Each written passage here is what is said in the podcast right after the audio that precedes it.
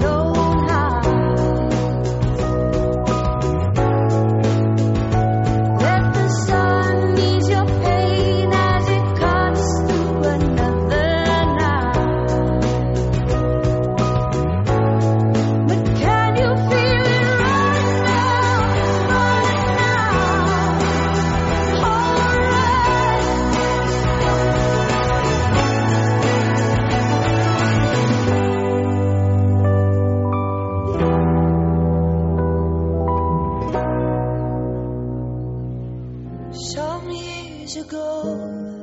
I lived a hard life, but sunlight burst a ray through those clouds. We finally.